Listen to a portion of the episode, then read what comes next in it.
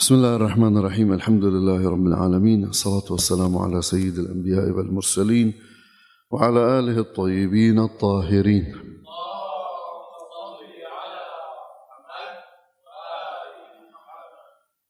من أحداث السنة الأولى الهجرية التي نتحدث عنها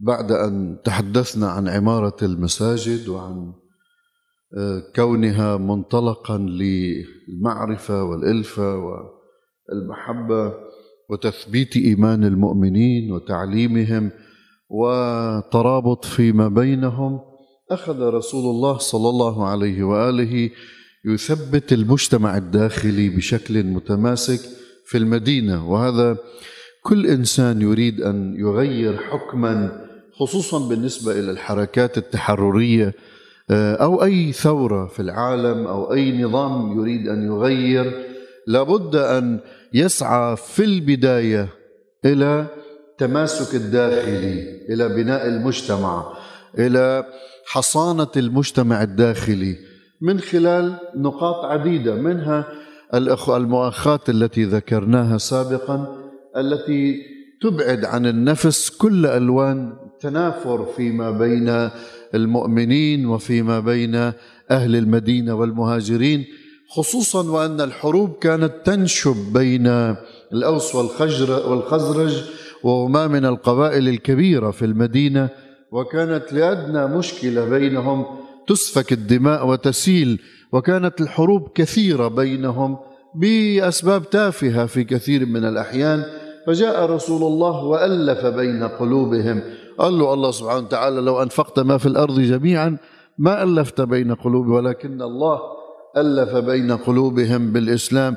ثم أعد رسول الله هذا المجتمع ليتحمل كل المصاعب المستقبلية. يعني هذا المجتمع الجديد الإسلامي لابد أن يواجه الأخطار ولا بد أن يواجه الحروب ولا بد أن يواجه المؤامرات ولا بد أن يواجه إذا لم يكن محصنا داخليا لا يستطيع أن يتحمل كل هذه المخاطر بل سيتفكك وسيتشرذم هذا المجتمع وسيصبح جماعات متفرقة كل لديه أفكاره المختلفة عن الآخر. وهذا ما نشهده عند في مجتمعاتنا الإسلامية لأن مجتمعاتنا الإسلامية غير محصنة إيمانيا تجدنا كيف نحن متشرذمين ومتفرقين فالتحصين المجتمع هو من الثوابت والركائز الأساسية في أي حركة تغيرية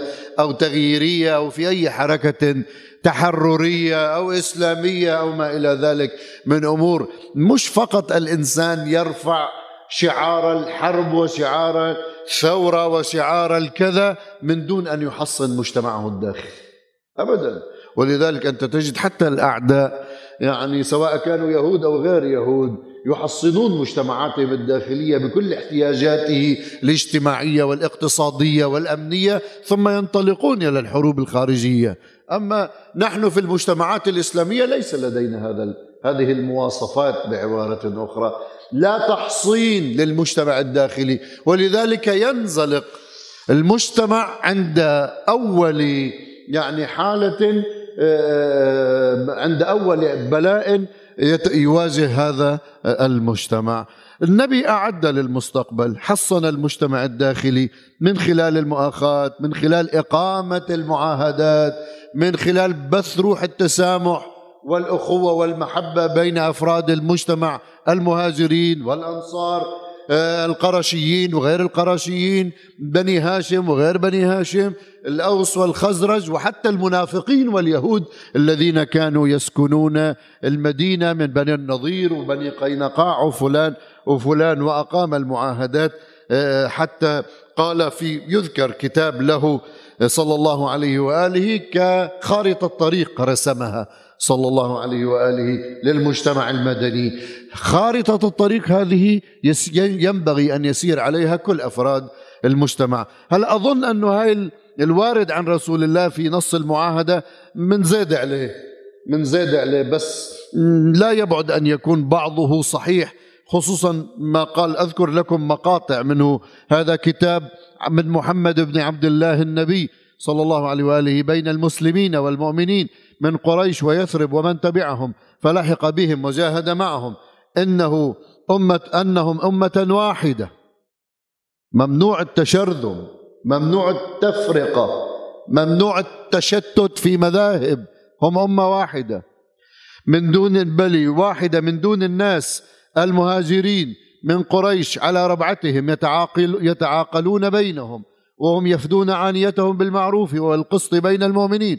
وبني عوف على ربعتهم. وأخذ يعد كل طائفة تفدي عانيها يعني كل فرقة تتحمل مسؤولية الإنسان الذي يعتدي فيها. شوف تحصين المجتمع. إنه بني عوف بني قينقاع بني النضير بني آه، سهم بني قريش بني هاشم أوس خزرج كل هؤلاء كل فرقة كل قبيلة كل جماعة كل طائفة تتحمل مسؤولية الذي يعتدي من طائفتها. فإذا اعتدى شخص لأن مجتمع ما يمكن ما يصير فيه جريمة واعتداء ومشاكل وضرب وإلى آخره مثل ما عم بيصير بيناتنا. فمباشرة العشيرة أو القبيلة أو الطائفة أو الفرقة تأتي بهذا الإنسان وتحاكمه على طبق الإسلام. وتتحمل ديته كذلك. يعني إذا قتل تتحمل هذه الدية. وهذا القانون يردع الناس في أن تعتدي على بعضها البعض. يردع. يعني عندما تعاقب هاي الفرقة أو العشيرة أو الطائفة أو القبيلة تعاقب المعتدي منها على طائفة أخرى فلا يجرؤ بعد أي فرد في هذه الطائفة أو الفرقة على أن يعتدي على أي إنسان آخر. هذا تحصين للمجتمع الداخلي. هذا التحصين لأفراد الطبقات المتنوعة في أفكارها وفي يعني ميولها لأن كل واحد عنده أفكار تختلف عن الأخرى كل واحد عنده ميول تختلف عن الأخرى كل واحد عنده أهواء تختلف عن الفرقة الأخرى.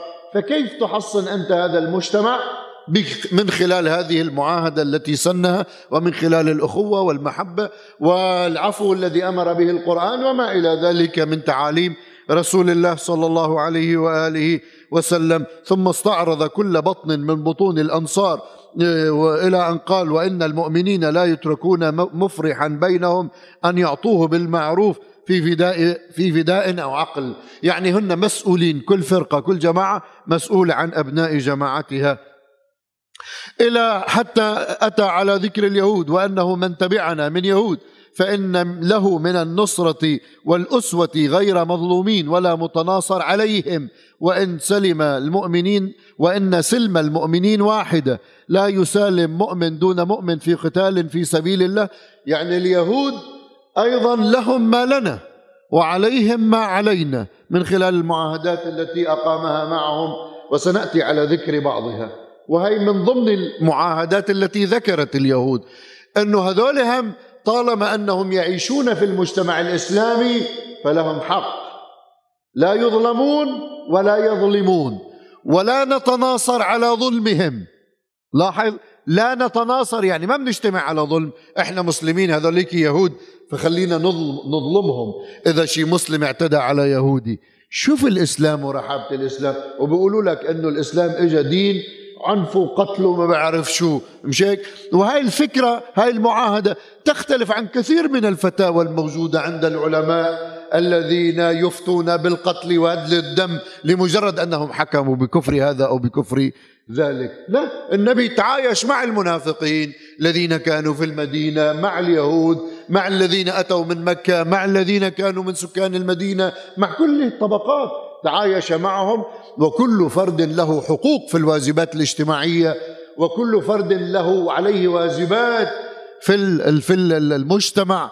فعليه أن يؤديها وله حرية اختيار الدين لأنك فأنت تكره الناس على أن يكونوا مؤمنين. كل حر كل إنسان حر في اختيار الدين الذي يريد ما لم يفسد بين الناس. في هذا الدين الذي ذهب إليه ان لم يكن دينا صحيحا. والله هو الذي يحاسب يعني هو يتحمل مسؤولية اختياره لهذا الدين. إلى أن يقول وأن اليهود ينفقون مع المؤمنين ما داموا محاربين. يعني مثل ما ينفق المجاهد في سبيل الله من المسلمين ليرد الأعداء عن المدينة إذا شارك اليهود في الاعتداء في دفع الاعتداء فأيضا ينفقون ولهم كذلك في الغنائم. آه نعم. ثم قال وأنه لا تجار قريش وأن يهود الأوس ومواليهم وأنفسهم على مثل ما لأهل هذه الصحيفة مع البر والحسن من أهل هذه الصحيفة وإن البر دون الإثم. وهكذا. يعني لاحظ أنه كما للاوس كما للخزرج لليهود من كل آه، فرقهم لهم ما للمسلمين من البر والإحسان. وهذا اللي الله أمر فيه سبحانه وتعالى. لا ينهاكم الله عن الذين لم يقاتلوكم في الدين ولم يخرجوكم من دياركم أن تبروهم وتقسطوا إليهم إن الله يحب المقسطين. هذا منهج. بعدين وقت اللي بدك تيجي تحكم هذا قتل وهذا آه، صلب وذاك ينفى من الأرض وذاك كذا. هاي كلها الأحكام بتجي على المفسد في الأرض على المحارب على الذين على الذي يريد أن يفتنك عن دينك. مش كل واحد تقتلوه لا يهودي منافق مشرك آه، غير مسلم نصراني لابد أن تبر إليه. لابد أن تبر إليه. لا ينهاكم الله عن الذين لم يخرجوكم من دياركم ولم يقاتلوكم في الدين أن تبروهم وتقسطوا إليهم. الله أمرنا بالإحسان إليهم مهما كان دينهم. بس مشكلة كثير من العلماء المفسرين وكثير من الطوائف والفرق الإسلامية صاروا ياخذوا كل آية لحالها حرض المؤمنين على القتال. شوفوا الإسلام.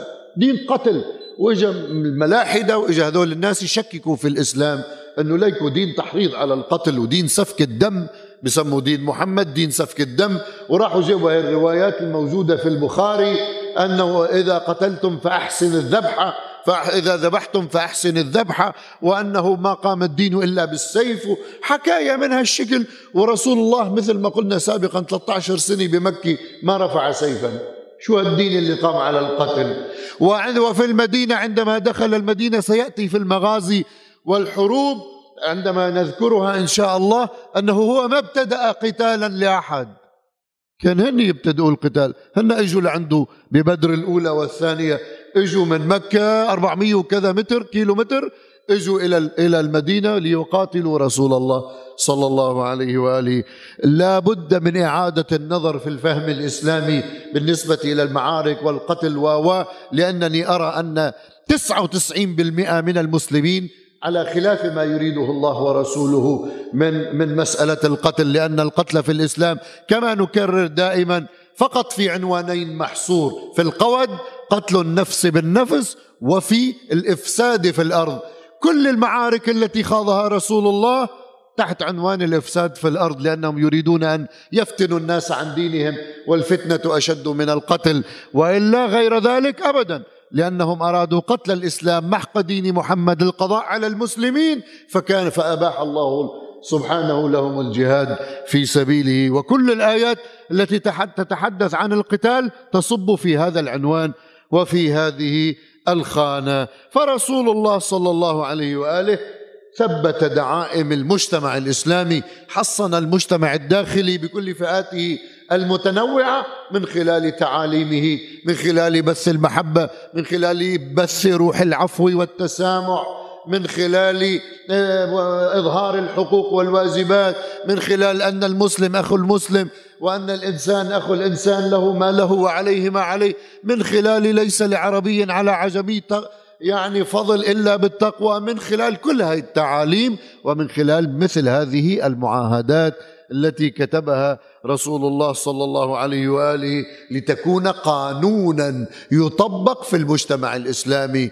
ماده اولى ماده ثانية اليوم بمنهجوه الماده الاولى كذا الماده الثانية كذا رقم كذا هاي المواد كانت في ذلك الزمن على طريقه معاهدات هاي مواد قانونيه يلجا اليها ويذكر أيضا في السنة الاولى عن رجل اسمه ابو قيس بن ابي اياس يدعي ابن إسحاق أنه كان رجلا يغتسل من الجنابة وأمر بالإخذ واجتناب الحائض من النساء واعتنق النصرانية ثم أمسك عنها ودخل بيتا له فاتخذه مسجدا لا تدخله طامس يعني حائض ولا جنب ومضى يعبد الله سبحانه ويدعوه ويسبحه ويدعو إلى صلة الأرحام والإحسان إلى اليتامى واجتناب أموالهم و و و مما هو مما جاء به الإسلام من تشريعات. هلا أنا بفهم أنه إنسان عقله صافي يؤمر مثلا بالصدق يؤمر بالعدل يؤمر بأنه ما يعتدى على الناس بس أما يجي بتشريعات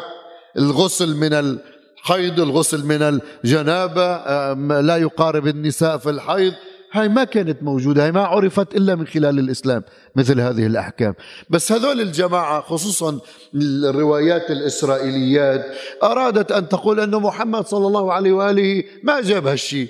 يعني حتى تشكك بنبوة رسول الله صارت تخترع مثل هؤلاء تنسب إلى مثل هؤلاء الرجال مثل هذه التشريعات.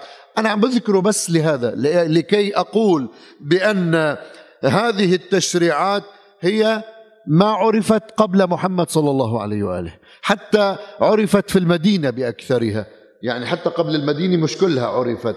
طيب هاي أولا. ثانيا هاي من صنع الدساسين والمنافقين اللي عاصروا النبي صلى الله عليه وآله وجاءوا بعده ككعب الأحبار وغيرهم من الذين أرادوا تشويه صورة محمد يعني ساعة بيلزقوا محمد باليهود تشريعاته مثل تشريعات اليهود. ساعة بيقولوا تشريعات محمد مثل تشريعات بوذا. ساعة بيقول بعض القصص القرآنية الموجودة في القرآن مثل ما ذكر مثل ما موجود في أساطير الأولين المكتوب سابقا. حتى كل هاي هذا التشويه حتى يقولوا أنه رسول الله ليس بنبي. وأنا قلت لكم سابقا أنه هاي من من الأحاديث الموضوعة وحتى القصص القرآنية. حتى لو وجدنا في أساطير الأولين شبيها لها كقصة أهل الكهف وقصة موسى وقصة ذي القرنين وقصة وقصة وقصة. اليوم أكثر شيء عم تنتشر على مواقع التواصل وبيجيني هذول الشباب وصبايا مع الأسف مفتونين بمثل هذه القضايا. زين اولا قلنا سابقا ورح نرجع نقول أن الأديان السماوية مصدرها واحد وهو الله سبحانه وتعالى. والأنبياء والله ذكر أنه أنزل الأنبياء منذ بدء الخليقة وإلى محمد خاتمهم. فكل القصص التاريخية تشبه بعضها. يعني قصة ذي القرنين تجدها في التلمود وتجدها في الإنجيل وتجدها في البوذ. في كتاب البوذ وتجدها وتجدها. شو المشكلة؟ رجل قديم وكان نبيا وأمره الله بأن يفتح مغرب الشمس ومطلعها أدنى الشرق وأدنى الكذا. طيب وذكرت وإجوا هذول الكتاب الأساطير لأن كان يكتب التاريخ بطريقة قصة ألف ليلة وليلة. كتاب أساطير. اجى القرآن ليصحح القصة وليثبت أن هذا محمد بن عبد الله صلى الله عليه وآله ونبي. شو بيعرفوا بهالقصص خصوصا قصص موسى عليه السلام. ليقول لليهود أنه ما تعلمونه جزء يعلم منه محمد أكثر منه بالتفاصيل. وما حرفتموه من قصص محمد من قصص موسى ومن قصص داود ومن قصص ذي القرنين ومن قصص ومن قصص القرآن جاء ليقول هذه هي القصة الصحيحة. وتكرار القصة لأجل تثبيتها ولأجل إظهار جانب فيها دون آخر. يعني مرة بيذكر قصة موسى ليدلل على جانب البقرة. واذبحوا بقرة. ومرة بيذكر قصة موسى ليدلل على آه، قصته مع مع فرعون ومع السحرة. ومرة بيذكرها ليدلل على آه، قضية مثلا أنه فوكزه موسى فقضى عليه وقصته مع شعيب. ومر تكرار له أهداف. بيجيك واحد متفلسف بعده بسم الله استوفى قال لك شو هذا؟ ما يذكرها بصورة واحدة ضروري يذكرها بعشرين صورة. سبحان الله. يا بابا يا عيني يا روحي. واحد بينتقد إيه وإحنا اللي علمنا الناس تنتقد. وإحنا رب من علم الناس أن تنتقد. بس تنتقد تيجي بدك تنتقد القرآن كنت تفهم قرآن. تنتقد الحديث انتقد. لأنه في أحاديث كثير كذب. بس تيجي بدك تنتقد القرآن من أنت أول شيء تمتلك اللغة العربية تفهم الارتباطات البلاغية تفهم الحوادث الظرفية والمكانية التي نزلت فيها تفهم الدواعي من هذه القصة أو تلك تفهم لماذا كان التقرار تفهم الجوانب المتعددة التي أرادتها تكرار هذه القصة تفهم العبر التي يريد الله سبحانه وتعالى أن ينزله فيها. تفهم إرجاع الآيات المشتبه المتشابهة إلى المحكم منها. تفهم بتفهم بتفهم بتفهم. طيب إذا بتفهمش ليش عم تتعدى على غير مصلحتك؟ لك الحق في أن تسأل. لكن ليس لك الحق أن تقول هذا القرآن هذا مش قرآن محمد. مش على كيفك. لك الحق في أن تستفسر تستفهم. ليش؟ لماذا كرر الله القصة؟ لماذا كذا؟ لماذا كذا؟ طيب الدين محمد ما جاء في كتاب محمد صلى الله عليه وآله جاء في الكتب السماوية الأخرى وجاء في مثلا بعض الأساطير الأولين. فكيف بتقولوا أنه دينكم هو الدين الصحيح؟ لك الحق في أن تسأل. لكن تجي تبني على تساؤلاتك خصوصا إخواننا الملاحدة تجي تبني على هذه التساؤلات بأن بأنها هي الحق؟ لا بنقول لك طول بالك حبيبي. طول بالك حبيبي. ما ممكن انت بتروح لعند الطبيب بتقول له ليش حكمت على هذا المرض بكذا وكذا؟ ما فيك تناقشه. ليش؟ لأنه ما عندك علم الطب. ما عمل لك علم الدين. خلي يكون عندك علم اللغة والبلاغة وادرس وادرس القواعد التي على أساسها يتم التفسير لأن القرآن يفسر بعضه بعضا. واعرف ميز بين الآيات المتشابهة والآيات المحكمة وتعرف فسر أهلا وسهلا فيك. كل واحد أصلا واجب عليه يفهم القرآن. بس أما تجي تبني لي أحكام لا مو من حقك على الإطلاق. فلذلك نقول أن رسول الله صلى الله عليه وآله مضى يعني في هذه الرسالة ليبين الحقائق من خلال قرآنه ودينه. واختراع مثل هؤلاء الأشخاص إنما كان لأجل أن يحوروا آه، قضية رسول الله صلى الله عليه وآله يعني عن عن القضايا آه، حتى يقولوا إنه محمد صلى الله عليه وآله أخذ مثلا آه، رسالته أو دينه اخذها شوية من اليهود شوية من الأساطير شوي من كذا شوي من كذا.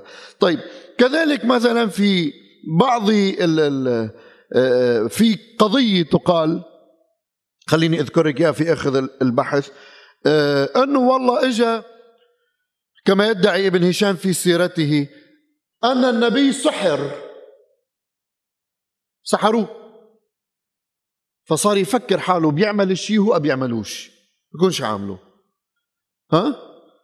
والشيء المؤسف إنه صحيح مسلم هم صحيح البخاري موجود فيه سحر النبي. ويروون عن عائشة أم المؤمنين سحر النبي حتى كان تقول عائشة حتى كان يخيل إليه أنه يفعل الشيء ما يفعله حتى كان ذات يوم دعا ودعا ثم قال أشعرت الله أفتاني أشعرت أن الله أفتاني فيما يعني وشفاني فأتاني شعرت أنه الله أفتاني أنه شفاني. جاء رجلان واحد قاعد عند راسي واحد قاعد عند قدمي وقالوا لي شو عم تشوف؟